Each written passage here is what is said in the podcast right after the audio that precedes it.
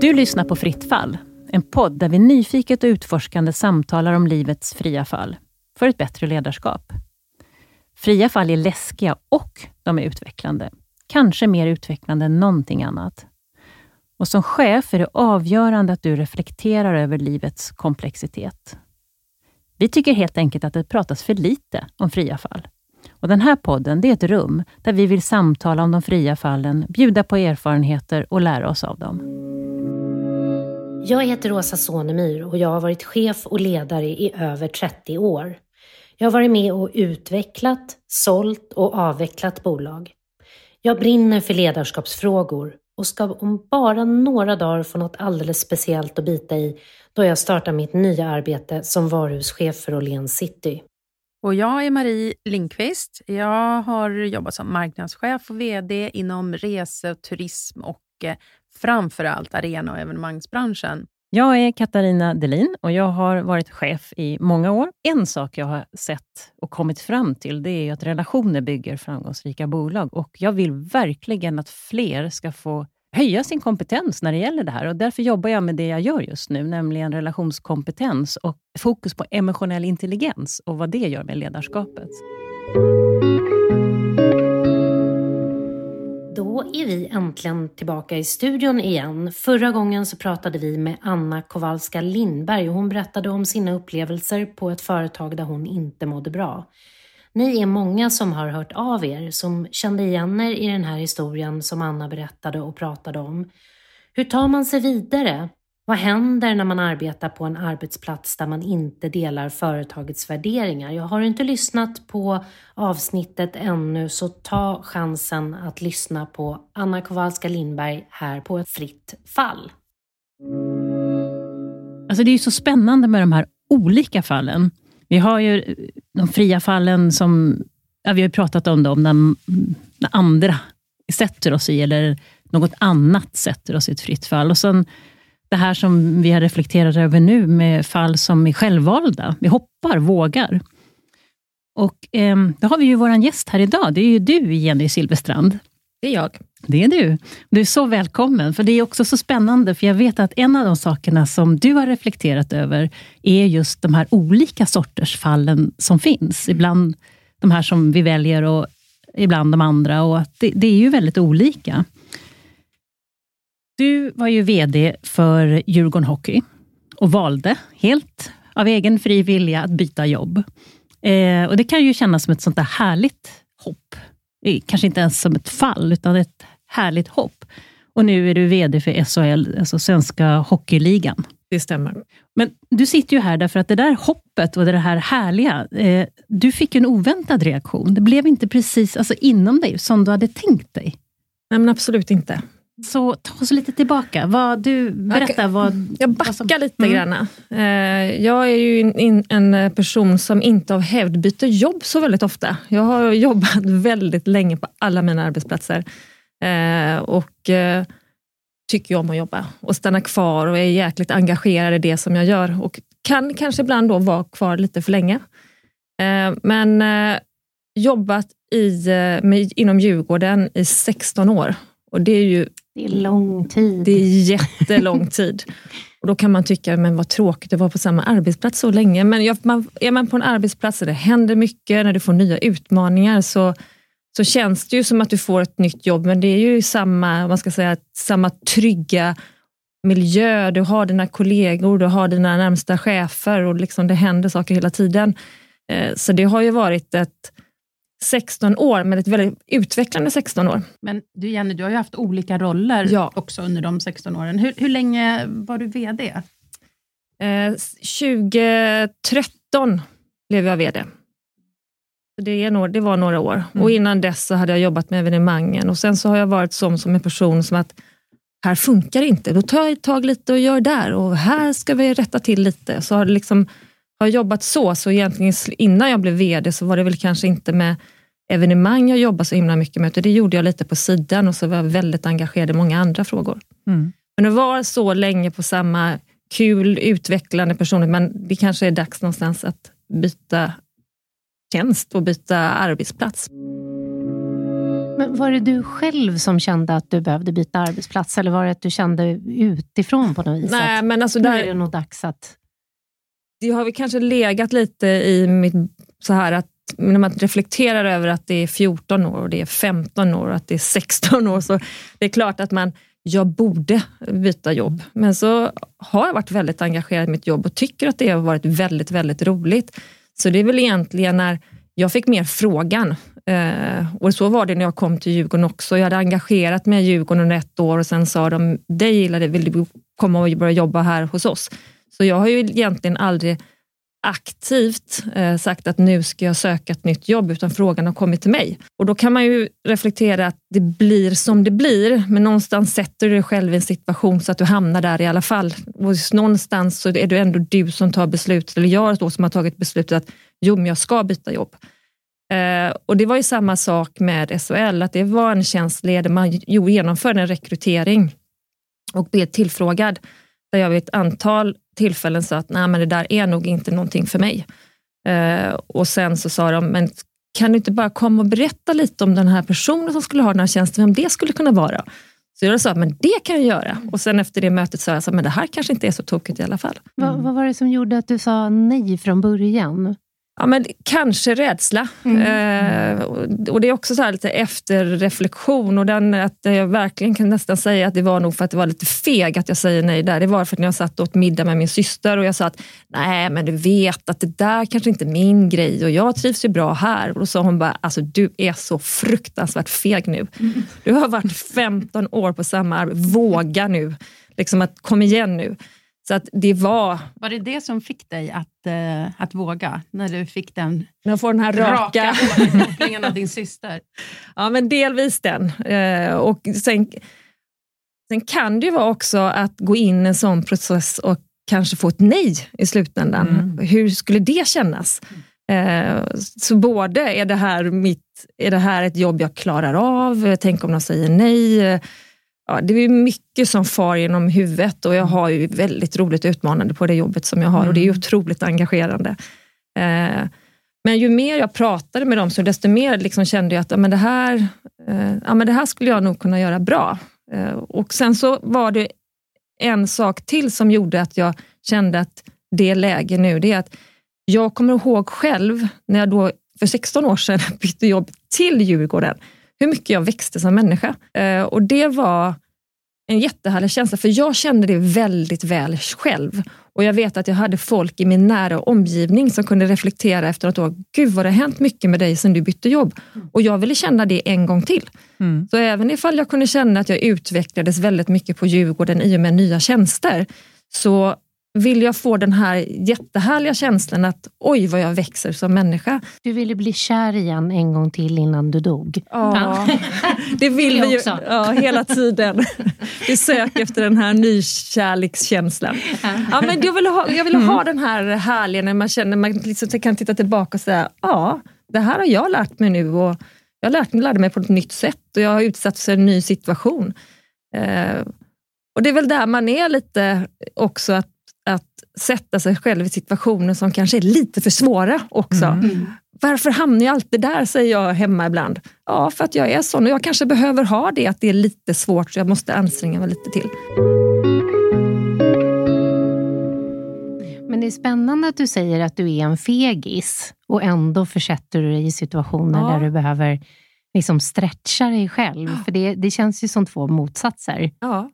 Vad, vad, vad, tänker du kring det? Nej, men när du säger så där så är det att den här stressar sig själv i en situation där jag befinner mig, där jag är trygg. Mm, uh, mm. Nu skulle jag ta ett kliv att i, en, i samma bransch är det ju, för det är fortfarande hockey, känner väldigt mycket människor så att det är inte nytt så, men det blir andra förväntningar, det blir andra krav, det är andra sammanhang som är nya för mig och också i relation med personer som jag känner sedan tidigare, att jag får en annan typ av relation med de här människorna. Det är inte kanske kollegor längre, utan det blir någonting helt nytt. Och hur skulle det vara? Så det är liksom, där kommer fegheten i. Och mm. sen så när jag hamnar i situationen när jag väl känner mig trygg, men då sätter jag mig nog att det blir lite svårare. Att jag blir liksom... Ja. Mm. Men, men Jenny, får fråga, när du stod då inför det här valet och har, har fått en möjlighet nu till ett eh, eh, ett toppjobb inom svensk eh, sport och absolut inom svensk ishockey. Hur eh, gick du tillväga för att fatta det beslutet? Vände du till, vände du till någon för att mm, prata om det här, eller var det någonting som du gick in i dig själv och vägde fördelar och nackdelar. Hur, hur, hur, gjorde du för att komma till beslutet? Eh, det var, det här var, jag tror att det är lite, vi kommer komma lite till det här med fritt fall sen, så var det ett väldigt känslosamt beslut för mig också, i och med 16 år, eh, att säga att jag ska inte vara kvar på den här arbetsplatsen. Så att jag är ganska så här öppen med mina känslor liksom generellt runt omkring, men mycket jobbade jag inombords. Eh, för det var väldigt motsträvigt. Alltså jag ville ju, fast det kändes ju väldigt, väldigt jobbigt samtidigt att säga hej då eh, till någonting som jag tyckte väldigt, väldigt mycket om. Mm. Eh, men, ja, men jag, jag, pratade med vänner runt omkring mig och liksom, det, många, det var väl samma sak, kom igen nu, nu har det varit 16 år, nu får du liksom mm. våga. Det var det. Så det var lite putt ifrån de som var närmast mig och som jag kunde liksom som kunde reflektera och som har varit i samma situationer, som kunde säga, men det här blir bra. Eh, våga nu. Att jag fick den hjälpen. Då tog du beslutet någonstans där och kände, ja, jag vill. Jag, mm. jag, jag gör det här. Jag är klar. Jag vill bli kär igen. Jag är redo att göra slut. Och var det, när du kom dit, var det glädje och lust då, eller var det fortfarande osäkerhet och lite rädsla och pirr? Ja, men jag har ju känt att jag har tagit rätt beslut och det har jag nog sen jag bestämde mig att nu gör jag det här, så jag har känt att visst är det rätt beslut. Men det var, det var lite som att göra slut. Det var jobbigt mm. att berätta att nu har jag faktiskt, för att jag har informerade ändå vår styrelseordförande under ganska lång tid i, i, i den här processen så att han visste vad som var, var, var jag var någonstans. För vi har alltid haft en väldigt öppen och, och ärlig liksom, relation med varandra och jag ville fortsätta även liksom under den här processen att vara det med honom. Eh, men det var lite som att göra slut. Det var liksom jobbigt att säga, nu har jag tagit ett beslut och jag väljer att göra det här. Eh, så det var, ja, men det var superjobbigt och det satte sig eh, i hela kroppen på mig på ett sätt som jag absolut inte hade förväntat mig. För att i det här att bli nykär och gå, gå vidare så ska man ju ha den här euforiska känslan. Och det hade jag bitvis, men jag, men jag mådde jäkligt dåligt i det, även ifall jag visste att det var rätt. Mm. Men kände du dig illojal? Nej, det gjorde jag inte. Nej, så det var att göra slut som ja, var det jobbigt? var känslor. Alltså det ja. var relationer och känslor och förhållandet med mm. arbetsplatsen. Och det är väl också kanske, jag tror ni har pratat om det här med att identifiera sig själv med, sin, med, sin ar, med sitt arbete. Eh, och att, att knyta, jag är en sån person som älskar att jobba. Jag har alltid varit det. Jag har lärt mig på sista två, tre åren att jag faktiskt inte ska skämmas för att jag tycker det är härligt att arbeta och jobba. Jag har gjort det hela mitt liv i alla de arbeten som jag har haft. Så att, då är jag sån, då ska jag sluta liksom kännas motsträvigt kring det. Men det var, det var the breakup liksom som, som ställde mig lite så här på en kant och kände, gud vad är det som händer med mig? Det är ju intressant att höra. Här har du fått ett nytt toppjobb. Du har blivit vald eh, bland säkert väldigt många andra kandidater för det här jobbet och det du känner i din kropp, det är mest att det är lite jobbigt. Mm, lite panik. Nej, panik är fel ord, men jag, jag kände ju på sätt och alltså jag kände ju fysiskt i min kropp att jag var väldigt, väldigt stressad. Eh, det slog lock för öronen, jag blev snurrig.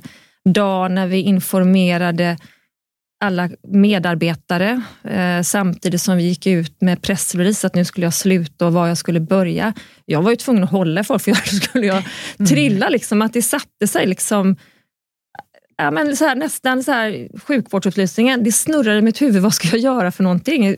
Helt fysiskt aldrig känt i hela mitt liv. Och jag förstod ju såklart att jag är stressad eh, och min kropp säger till mig att jag är stressad. Men jag kunde liksom inte riktigt förstå varför. Varför ska jag känna så här när det här ska vara någonting som är spännande i mitt liv? Och så ska jag gå och hålla en gammal kollega och säga, jag måste hålla dig annars trillar jag. För att jag, jag är så snurrig i huvudet. Mm. Ja. Mm. Så överraskande och eh, märkligt, det mm. måste ha känts. Hur, hur kom du ur det? Och hur, hur hanterade du den här känslan? Den... Men det, det gick över med tiden. Jag var kvar länge, eller många månader innan jag slutade på Djurgården, så att jag hade ju ganska långt adjö. Eh, och sen den dagen jag slutade så, så kom det liksom på riktigt den här tåren som inte hade kommit tidigare, att man ska säga hej då till många människor som man tycker om. De är ju inte borta för livet, men liksom som kollegor. Eh, sen planade det, liksom, det bara liksom lugnade ner sig. Eh, men jag, jag, känner själv att jag har blivit påverkad av det efteråt. För nu, nu då i mitt liv när jag kände att nu blir det mycket att göra på jobbet, då slår det lock för öronen. Så att jag bär liksom med mig en effekt fysiskt mm. av att jag blev så stressad av situationen. Mm. Och det kände, men det, det, var ett... Det där är, för när vi pratar om fritt fall, och då har jag verkligen tänkt på det här, alla olika typer av fritt fall. Och här var det någonting, ett val jag själv hade tagit. Det var, det var känslor var det. Mm. Mm. Det är någonting som var jättekul. Som jag tycker fortfarande är jätteroligt. Jag tycker det är så spännande för att, för att um, det är ju så coolt att hela tiden vara på väg. Det du pratar egentligen, det handlar ju om en relation. Och att vara väldigt nära sina medarbetare, faktiskt i mångt och mycket. Och det som jag också pratade om när det gällde eh, med Lund Fashion, där jag var, där jag fick skil, skiljas från mina medarbetare, det var ju också en sorg över att skiljas eh, från dem. Och att eh, jag tycker att det är härligt också mm. på ett mm. sätt. Att det, det han, ett arbete är inte bara att utföra en uppgift, utan det är att utföra den tillsammans med människor, att man får relationer med dem. Så att det är ju egentligen en väldigt naturlig mm. situation och en naturlig reaktion, mer än någonting mm. annat. Och Jag tänker, du som har varit så länge i den här uppenbarligen väldigt fina sammanhanget med bra relationer med många kollegor, eh, då har ju den varit din vardag. Någonting som du kanske inte ens har tänkt så mycket på. Att, Vi har ju bara varit där. Ja, och nu då när du säger adjö till dem och du bestämmer för att lämna, så kommer det här i fatt. Ja, det är verkligen intressant mm. vad, vad starkt det måste ha varit. Ja, men det var det, och det är så konstigt att man det är så konstigt att man, att man inte förstår själv varför det är förrän efteråt mm. också. Vad, vad, vad, drar du för lärdomar så här efteråt? Då? Jag tänker, det kanske blir några fler hopp i, i framtiden. Eller inte, jag vill inte stressa dig nu. Men är tio år kan vi... vad, vad, tänker du? Vad, vad, vad, är dina reflektioner? Ja, men jag hoppas ju att jag har lärt mig någonting av det här då, när jag gör det var 16 år, då, byter jobb, att jag har lärt mig någonstans att, inte, att, att det inte blir så känslosamt nästa gång.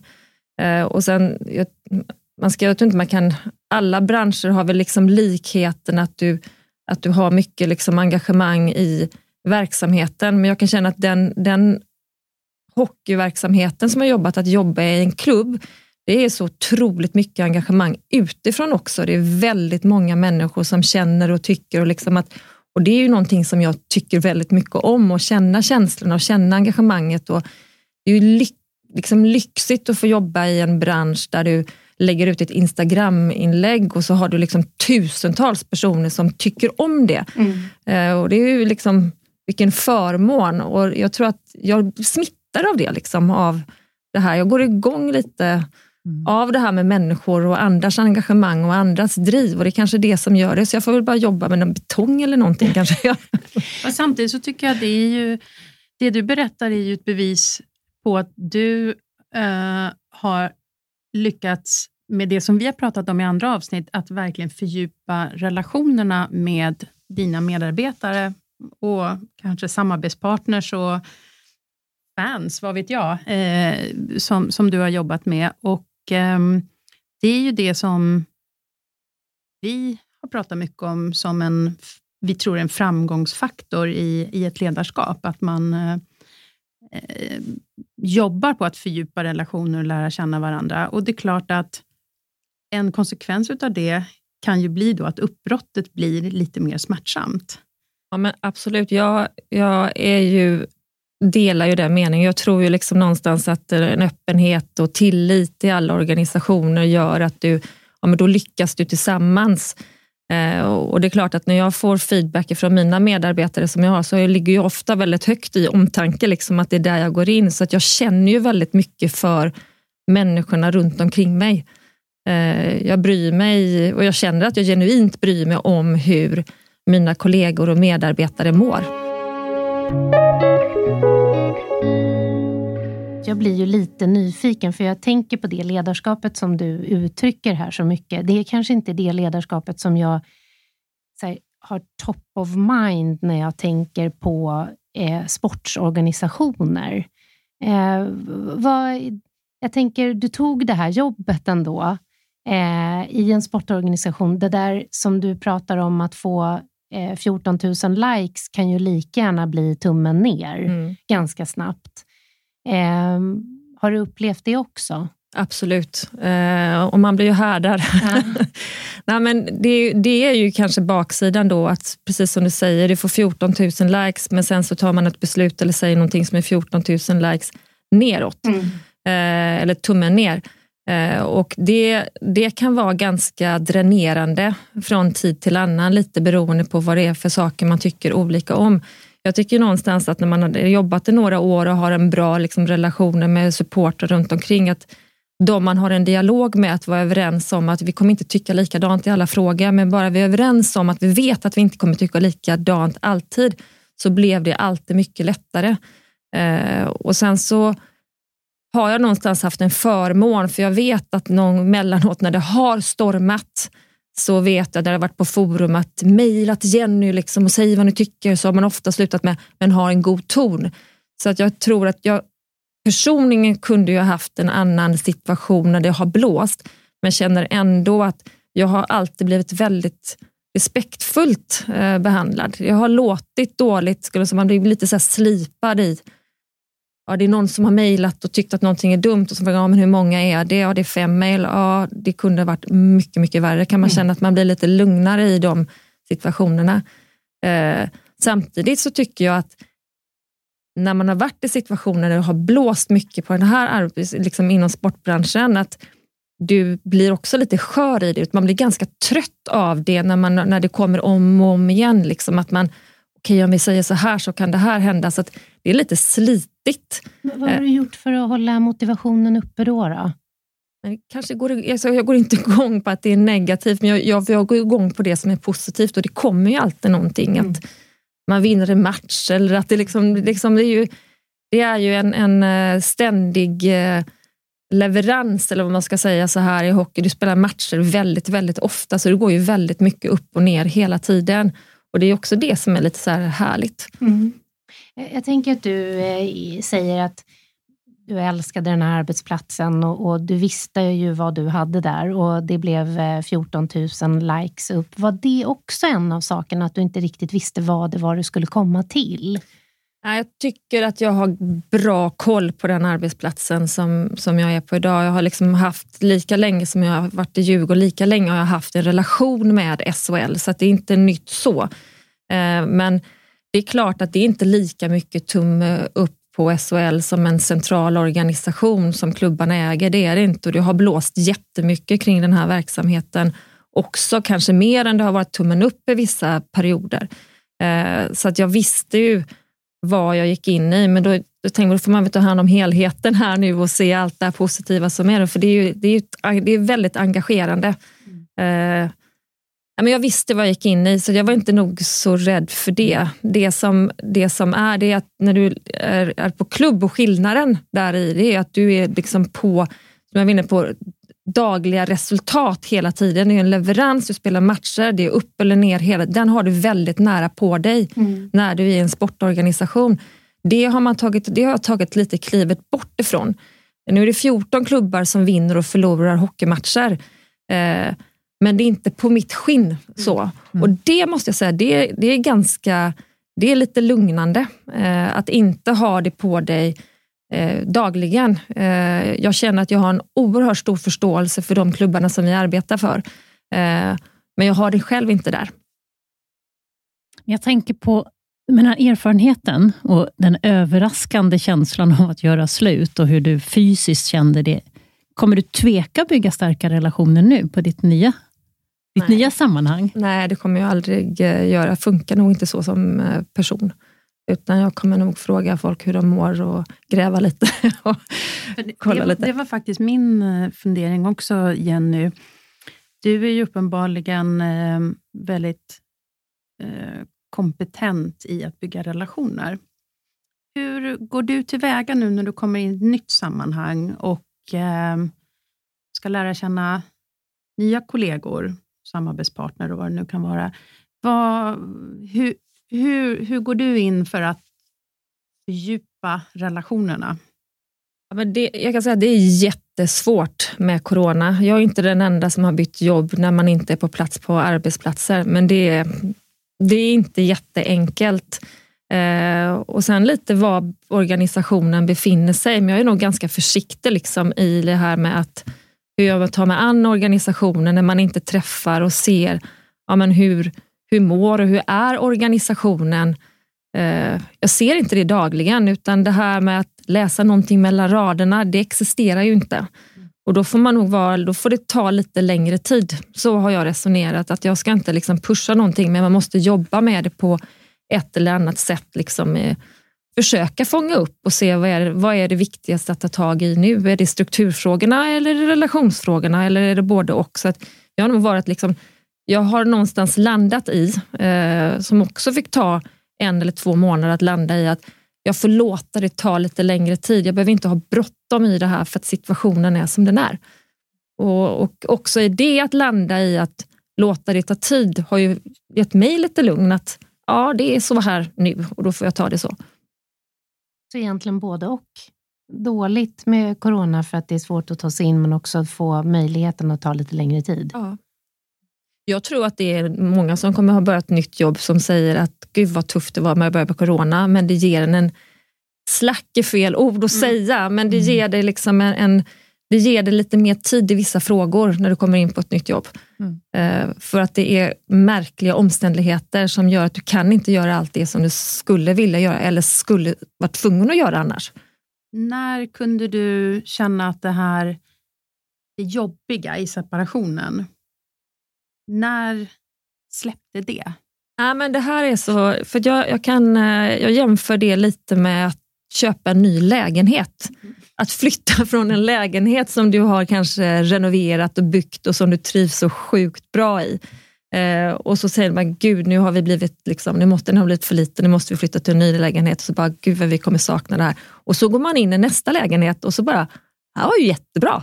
Och så liksom, inte kanske relation, men lite det här att när det väl var klart, när, när liksom uppbrottet var färdigt, någonstans där kände jag att ja, men då är jag klar.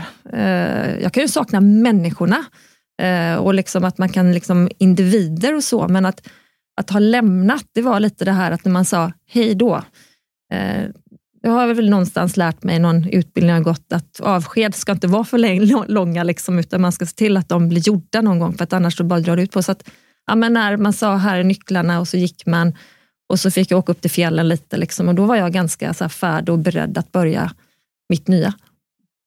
Det här är ett typ av fritt fall, att, men det här alla andra fria fall som man gör, att, man, att antingen är du ett fritt fall där du inte har någon kontroll över någonting, du har inte valt det själv, du kan inte styra vad som händer.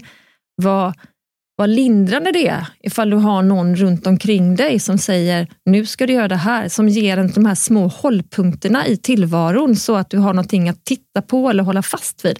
Alltså de här fritt fall är så, och ofta att du vet inte om att du har varit ett fritt fall förrän efteråt.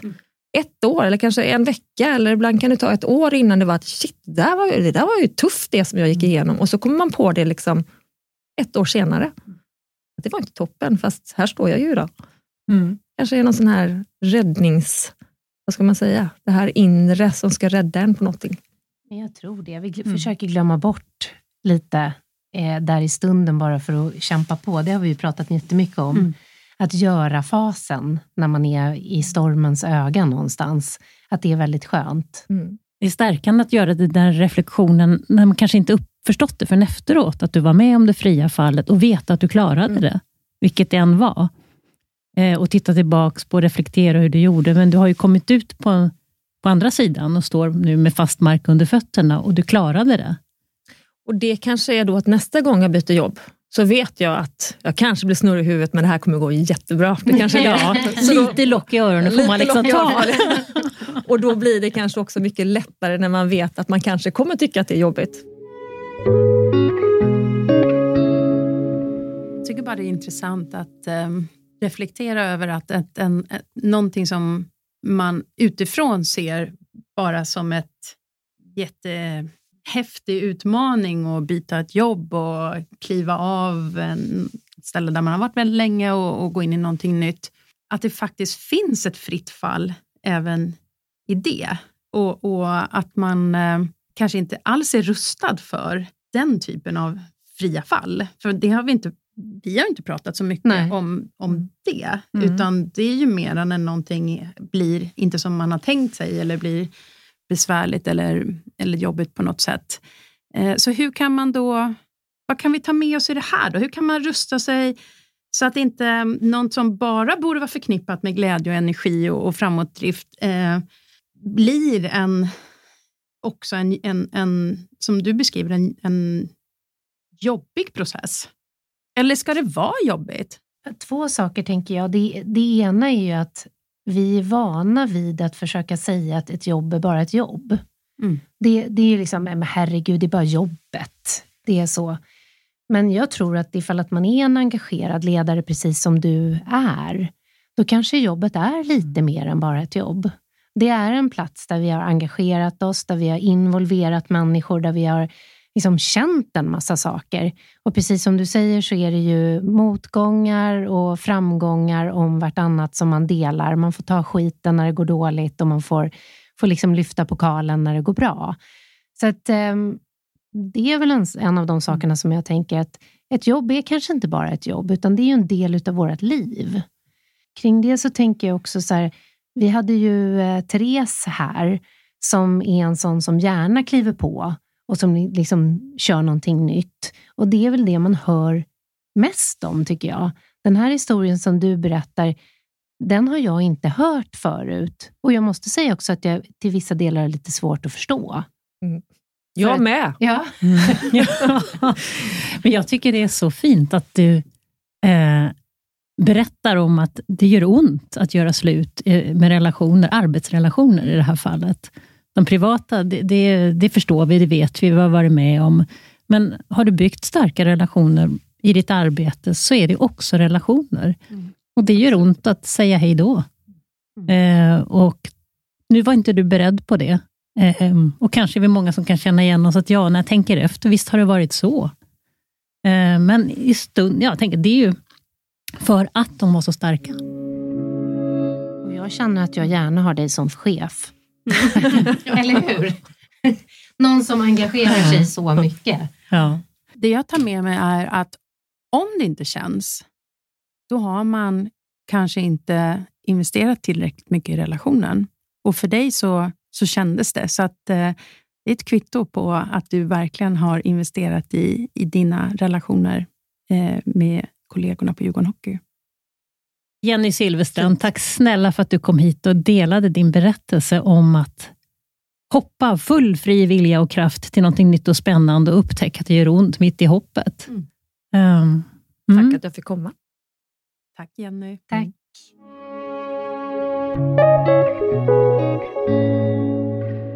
Vi skulle också gärna höra mer om vad ni tycker om podden och eh, era inflikningar på våra ämnen. Och Det kan ni göra på våra sociala medier, både på Instagram och Facebook. Sök på Fritt fall så hittar ni oss.